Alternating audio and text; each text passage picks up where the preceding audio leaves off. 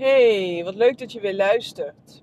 Hier komt dan uh, deel 2 van, uh, ja, ik wou zeggen serie, maar uh, dat klinkt alsof er nog heel veel meer afleveringen over komen. Dat weet ik niet. Maar in ieder geval, ik heb onlangs een aflevering opgenomen over de vrouwelijke en de mannelijke energie. Um, een soort van introductie in dat thema. En um, daar was ik nog niet over uitgepraat. Dus vandaar dat er nog een deel 2 volgt. En bij deze.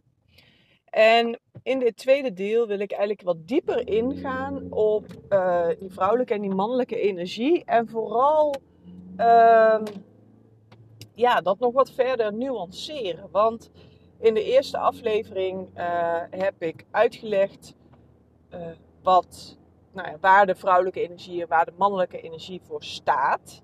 En ehm, ja, hoe eigenlijk alles uh, in het leven in de wereld en in onszelf uh, past in dat model van vrouwelijke energie of mannelijke energie. Dus bijvoorbeeld uh, de nacht hoort bij yin, bij de vrouwelijke energie, bij het feminine. En dag, dus de zon, hoort bij de mannelijke energie, de masculine um, yang energie. Dus um, zo hebben we uh, allemaal elementen die een bepaalde dualiteit in de wereld en in onszelf weergeven, die nou ja, dus in te delen zijn in die uh, types energie. En één belangrijk ding, wat ik in de eerste aflevering ook heb genoemd, en wat ik toch heel graag ook nog even wil herhalen hier, uh, we, hebben, we spreken in termen van vrouwelijke energie of mannelijke energie, of yin en yang, of uh, shakti en shiva, welke term je ook gebruikt. Belangrijk hierbij is te beseffen dat dat iets anders is dan vrouw of man zijn. Want deze energieën die zijn in alles aanwezig. Um, ze zijn aanwezig in, nou, ik noemde het al, nacht en dag.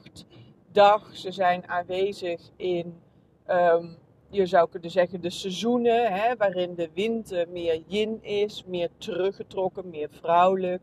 Waarin de zomer vooral yang is, dus naar buiten gericht en actief.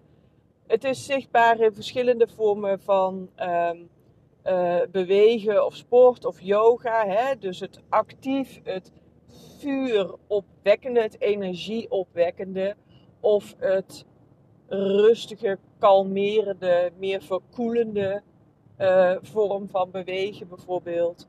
Het is aanwezig in ons eten. We hebben yang eten, wat uh, veel energie bevat, wat veel vuur opwekt, wat uh, intens kan zijn. En we hebben yin eten, wat verkoelend is, wat kalmerend werkt, wat uh, ons uh, parasympathische zenuwstelsel stimuleert, waardoor we kunnen gaan ontspannen enzovoorts. Dus om een voorbeeld te geven waar eigenlijk iedereen wel aan kan relateren, koffie is bijvoorbeeld heel erg yang. Als je s'avonds wil gaan slapen, dat is yin, ontspanning, dan moet je dus niet koffie drinken, wat een heel yang drankje is. Want dan activeer je dus die yang energie in jezelf. Um, en zo, uh, maar, maar uh, ik noem maar wat, een uh, kamillethee of kokos is een hele bekende. Dat zijn yin voedingsmiddelen. En die kunnen dus juist helpen met winding down, met relaxen, met ontspannen, met in overgave komen en met klaarmaken voor de nacht, voor de rust. Dus dat vrouwelijke en dat mannelijke is in letterlijk alles wel aanwezig. Ik noemde in de eerste aflevering ook al het voorbeeld van de vissenkom en het water. Dus ook op die manier kun je zien hoe dat mannelijke en vrouwelijke in alles aanwezig is. Bepaalde dingen vormen een container, vormen de begrenzing, vormen het kader, de structuur. En andere dingen die stromen. Dat is de energie, dat is de flow, de creativiteit. En ehm, nou, om een, om een voorbeeld uit de natuur te noemen, een rivier die heeft een bedding nodig om te kunnen stromen. Zonder die bedding ehm, noemen we het geen rivier in ieder geval. Dus er is altijd een container nodig voor energie om te kunnen stromen. Dus zo zou je kunnen zeggen dat, dat uh, ja, alles uh, een plek heeft binnen die twee energieën. En dat wil niet zeggen dat één ding, uh, dat iets altijd één energie is. Bijvoorbeeld, um, nou ja, ik noemde al, is wel een beetje een groot iets, maar ik noemde al bijvoorbeeld de seizoenen. Um, dat verandert dus gedurende het proces. En um, gedurende de dag verandert onze energie ook. De dominantie van onze energie ook. En ja, je zou kunnen zeggen, denk aan een zaadje in de grond um, die net geplant is. Um, tot zeg maar groei, ontkiemen, groeien tot een plantje, het creëren van een knop tot bloei komen en weer afsterven. Daarin zie je ook de yin en de yang terug. Um, als een bloem in volle bloei is, dan is die yang. Als die in de aarde in het donker zit en er ogenschijnlijk niks gebeurt, dan is er een dominante yin-energie. En het een en het ander, dat bedoelde ik ook al in de eerste aflevering, heeft elkaar nodig. Zonder die yin-periode in de grond kan die yang-periode nooit zijn.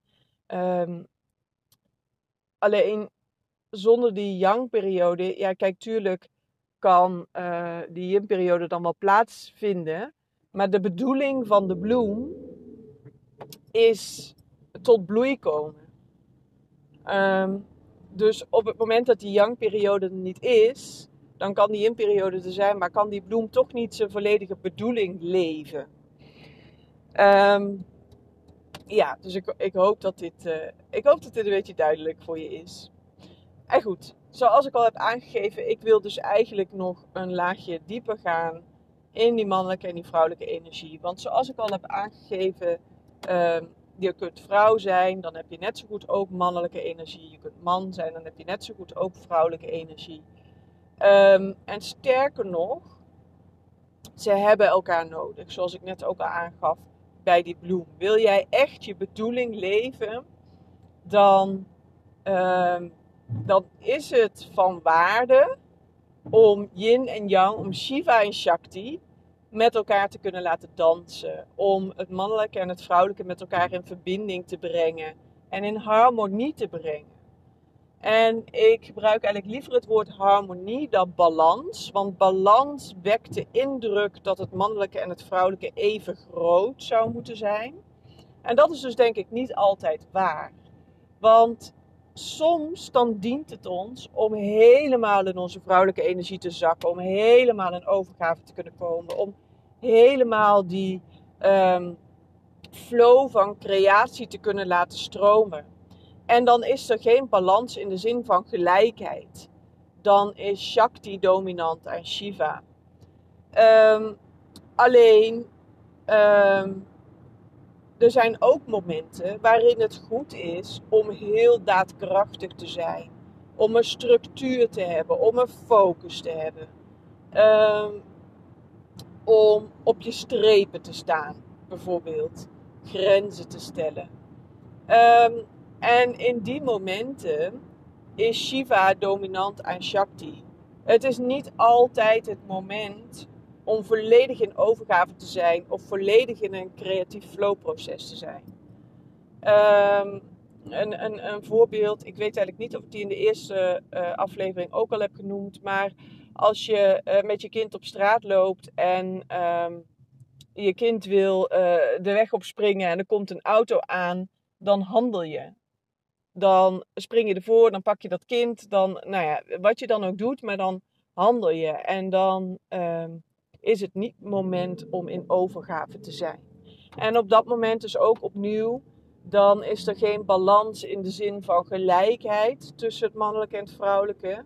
Maar dan kan er wel degelijk wel harmonie zijn. En die harmonie tussen het mannelijke en het vrouwelijke, die, ehm, ja, die vraagt eigenlijk dat. pardon. Die vraagt eigenlijk dat het mannelijke en het vrouwelijke allebei op een gezonde manier in jou, in mij, in ons kan functioneren. En dat is dus eigenlijk een soort van ehm, extra dimensie die ik wil toevoegen aan, ehm, aan het denken over de vrouwelijke en de mannelijke energie. Dus ehm, waar je één, als je, als je een kruis maakt hè, en de twee strepen zijn allebei een as, dan uh, heb je op de verticale as, heb je, uh, sorry, op de horizontale as heb je het, aan één kant het vrouwelijke en aan de andere kant heb je de mannelijke energie, of de yin en de yang, of de shakti en de shiva. Um, en over de horizontale, of de verticale as, sorry, dus horizontale as, vrouwelijk-mannelijk, verticale as, dus van boven naar beneden, heb je aan de onderkant de ego-gedragen energie en aan de bovenkant de hartgedragen energie. En je zou ook kunnen zeggen de ongezonde energie en de gezonde energie. Ongezond beneden, ego-gedragen ongezond, hartenergie boven, hartgedragen gezonde energie. En um, dan ontstaan er eigenlijk vier kwadranten.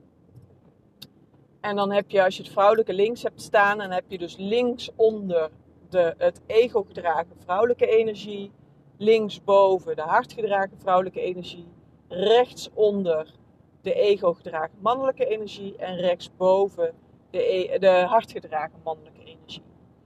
En zoals ik net al zei, je zou dat onderscheid dus kunnen zien als uh, de ongezonde en de gezonde uiting van die mannelijke en die vrouwelijke energie. En ja, laat ik, laat ik die kwadranten gewoon even doorlopen en ze omschrijven. Laat ik beginnen bij de ego-gedragen vrouwelijke energie. De ego-gedragen vrouwelijke energie die komt voort uit een wond die in het collectief vrouwelijke zit, in de buik, in het creatiecentrum van het vrouwelijke.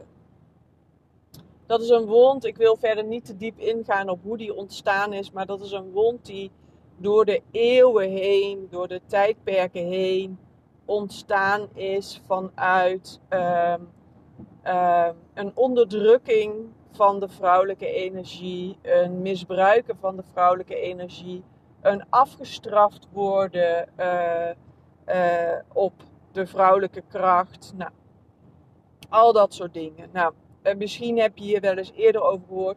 Maar iets wat we allemaal wel kennen uit de geschiedenislessen vroeger. De heksenvervolging bijvoorbeeld.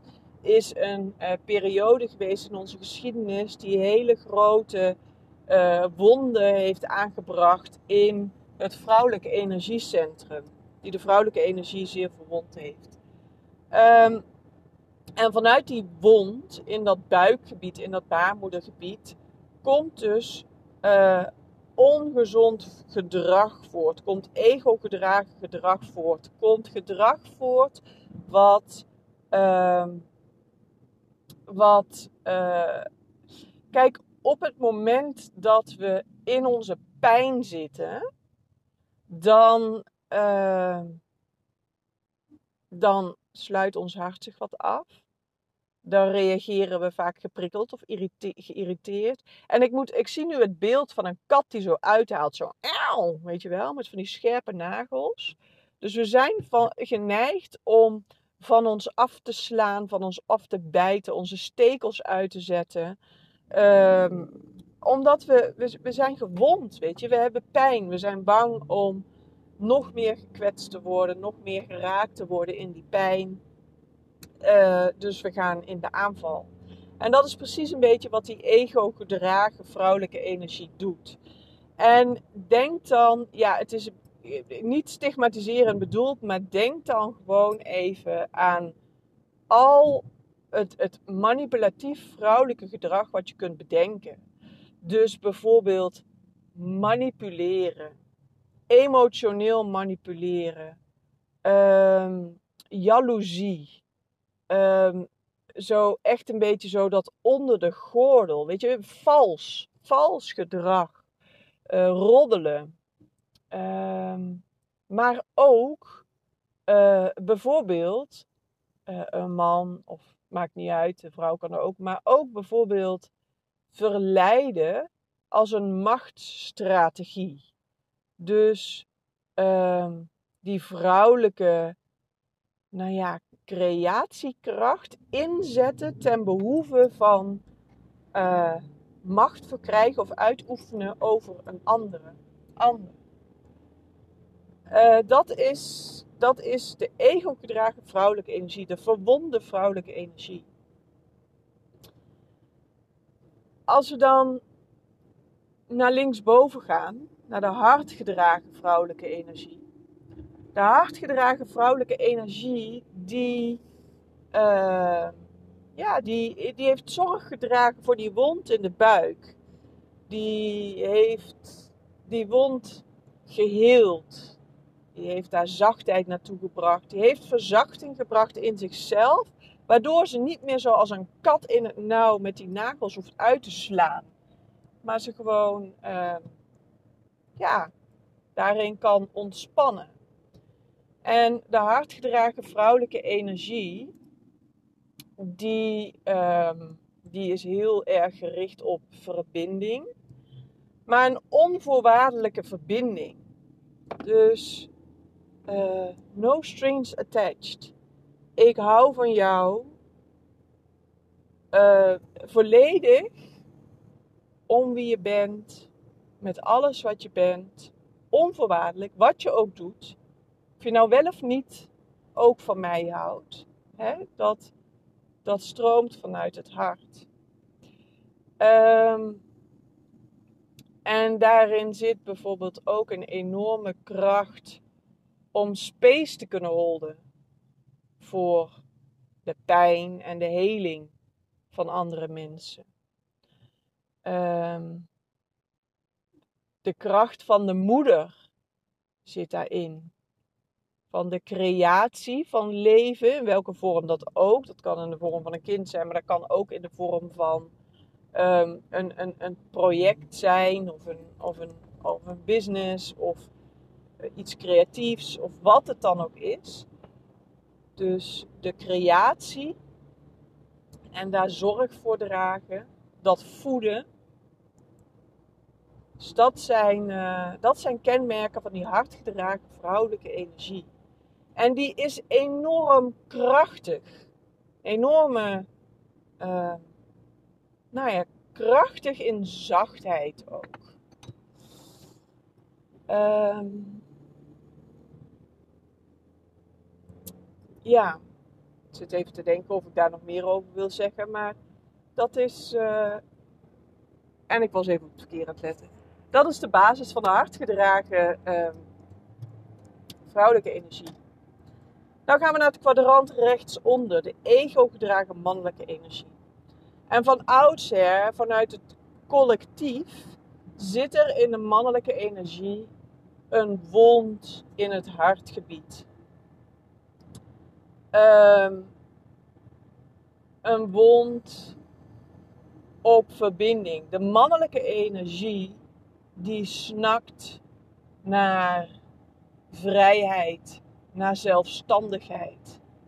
En kan daarin vanuit die wond een soort van weerstand voelen op verbinden, omdat verbinden het gevoel geeft niet vrij te zijn. Dus er zit een wond in dat hartgebied. En dat hart dat gaat een beetje op slot. Vanuit de ego gedragen mannelijke energie is het hart gesloten. En um, is het moeilijk om die verbinding echt aan te gaan. Omdat de man, of de man, ja, de mannelijke energie dan het gevoel heeft uh, beperkt te worden. En ego gedragen mannelijke energie uit zich ja, je zou bijna kunnen zeggen van die typische mannelijke trekjes. Dus, en dat is wel interessant, hè, want ik, ik zei in het begin heel duidelijk van vrouwelijke energie, mannelijke energie equals niet vrouw, man. Maar vaak is het wel zo dat als je in dit leven vrouw bent, dat je, uh, nou ja, meer die vrouwelijke energie in je draagt.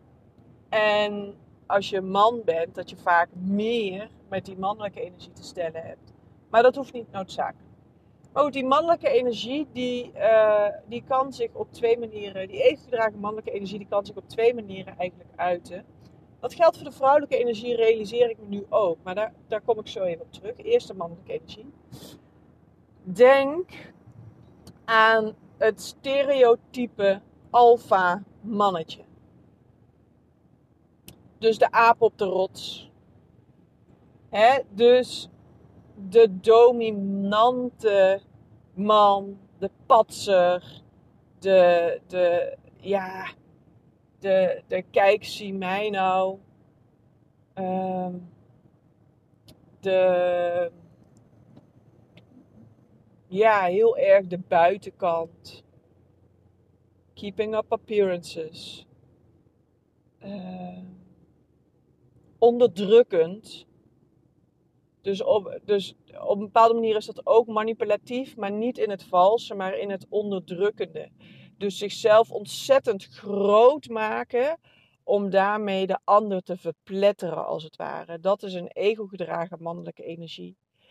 En zoals ik al zei, hij kan zich ook op een andere manier uiten. Um, en dat is in. Um, ja, ik twijfel eigenlijk nu een beetje of dat zo is. Um, nee, ik laat deze heel even. En ik zal zo uitleggen waar, uh, waar mijn gedachten over gingen. Dus, dus dat is de ego-gedragen mannelijke energie. En je zou kunnen zeggen, als we weer even denken aan die vissenkom en dat water. Um, dan, dat, dit is een typisch voorbeeld van de vissenkom zonder het water mannelijke energie zonder de vrouwelijke verbinding is leeg. Zonder de vrouwelijke energie is leeg. Het is uit verbinding.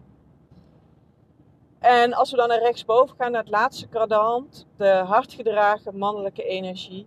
De hartgedragen mannelijke energie heeft geleerd om die wond in het hart en die angst voor verbinding, om die te helen. En de, mannelijke, de, de hardgedragen mannelijke energie heeft geleerd dat het veilig is om zich te verbinden en dat dat geen afbreuk doet aan zijn vrijheid. Dus de hardgedragen mannelijke energie, die kan vanuit verbinding een container zijn voor het vrouwelijke. Een, een stevigheid bieden. Een stevige bedding bieden voor die creatieve flow van dat vrouwelijke.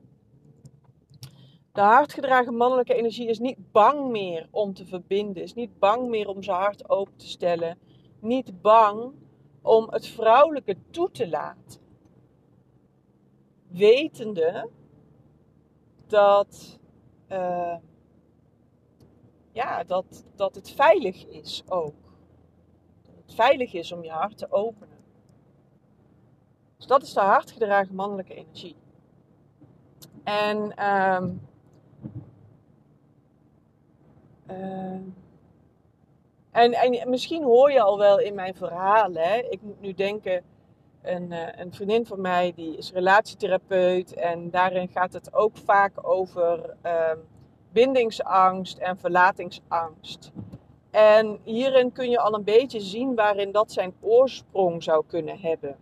Hè? Dus bindingsangst heeft zijn oorsprong in een verwonde mannelijke energie, een ego-gedragen mannelijke energie die bang is om zijn hart te openen, omdat hij daarmee zijn vrijheid zal verliezen. En uh, verlatingsangst komt voort uit de ego-gedragen vrouwelijke energie op die wond in de buik, die het gevoel heeft, denk aan het water zonder de vissenkom, die het gevoel heeft all over the place te zijn en daarmee te verdwijnen zonder het mannelijke. Dus die uh, ego-gedragen vrouwelijke energie, die kan zichzelf niet dragen. Die heeft de ander nodig om zichzelf te kunnen dragen. En dat wordt dan ook heel vaak als je dan bijvoorbeeld in een relatie ziet tussen een man en een vrouw. Uh, of, of, nou ja, wederom, vrouw, vrouw, man, man, maakt niet uit. Um, maar in een relatie waarin bindingsangst en verlatingsangst spelen, worden die dingen vaak op de ander geprojecteerd. Dus stel ik heb verlatingsangst, dan projecteer ik op de ander. Jij moet bij mij blijven, want anders dan ben ik nergens meer. Jij moet mijn vissenkom zijn, want anders is mijn water all over the place en verdwijn ik. Of andersom, bij bindingsangst. Um,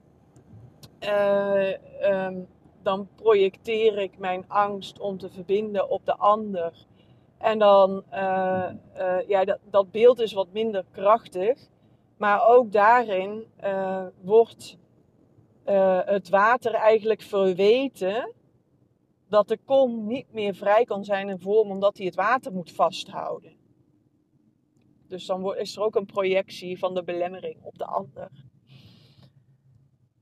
Dus dat, uh, dat zijn de uh, vier kwadranten van de mannelijke en de vrouwelijke energie. En daarmee hebben we al een extra dimensie toegevoegd aan, uh, aan die energieën. En ik heb zo'n gevoel dat er nog een derde aflevering in deze serie bij gaat komen.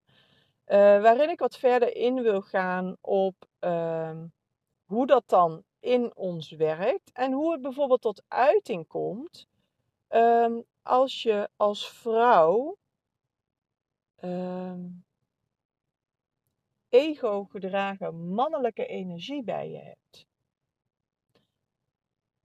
En dat maakt hem nog eventjes een stukje complexer. Ja, dus dat is, uh, dat is voor een volgende aflevering. Um, en in die volgende aflevering wil ik dan waarschijnlijk ook iets vertellen over de invloed van de cultuur waarin we ook alweer een hele tijd leven. Want ook dat heeft op ons alle invloed in hoe die energieën zich in ons uiten. Maar dat is iets voor een andere keer. Uh, en uh, om nog eventjes jullie uit te leggen waar mijn gedachten naartoe gingen. In die aflevering zal ik dan ook uitleggen waar mijn gedachten over gingen met die twee vormen van uitingen uh, van uh, het ego gedragen uh, stuk. Want dat heeft alles daarmee te maken. Later meer. Bedankt voor het luisteren. Vond je deze aflevering leuk of interessant? Heb je er iets aan gehad? Dan vind ik dat heel leuk om van je te horen. Deel het ook zeker met anderen uh, waarvan je denkt dat die er ook iets aan zouden kunnen hebben. En uh, heel leuk als je de volgende keer weer luistert. En laatste dingetje. Wil je niks missen van mij en van mijn podcast? Zorg dan even dat je me volgt in Spotify of in welke podcast app je dan ook luistert. Oké. Ik wens je een hele mooie dag toe en tot de volgende keer.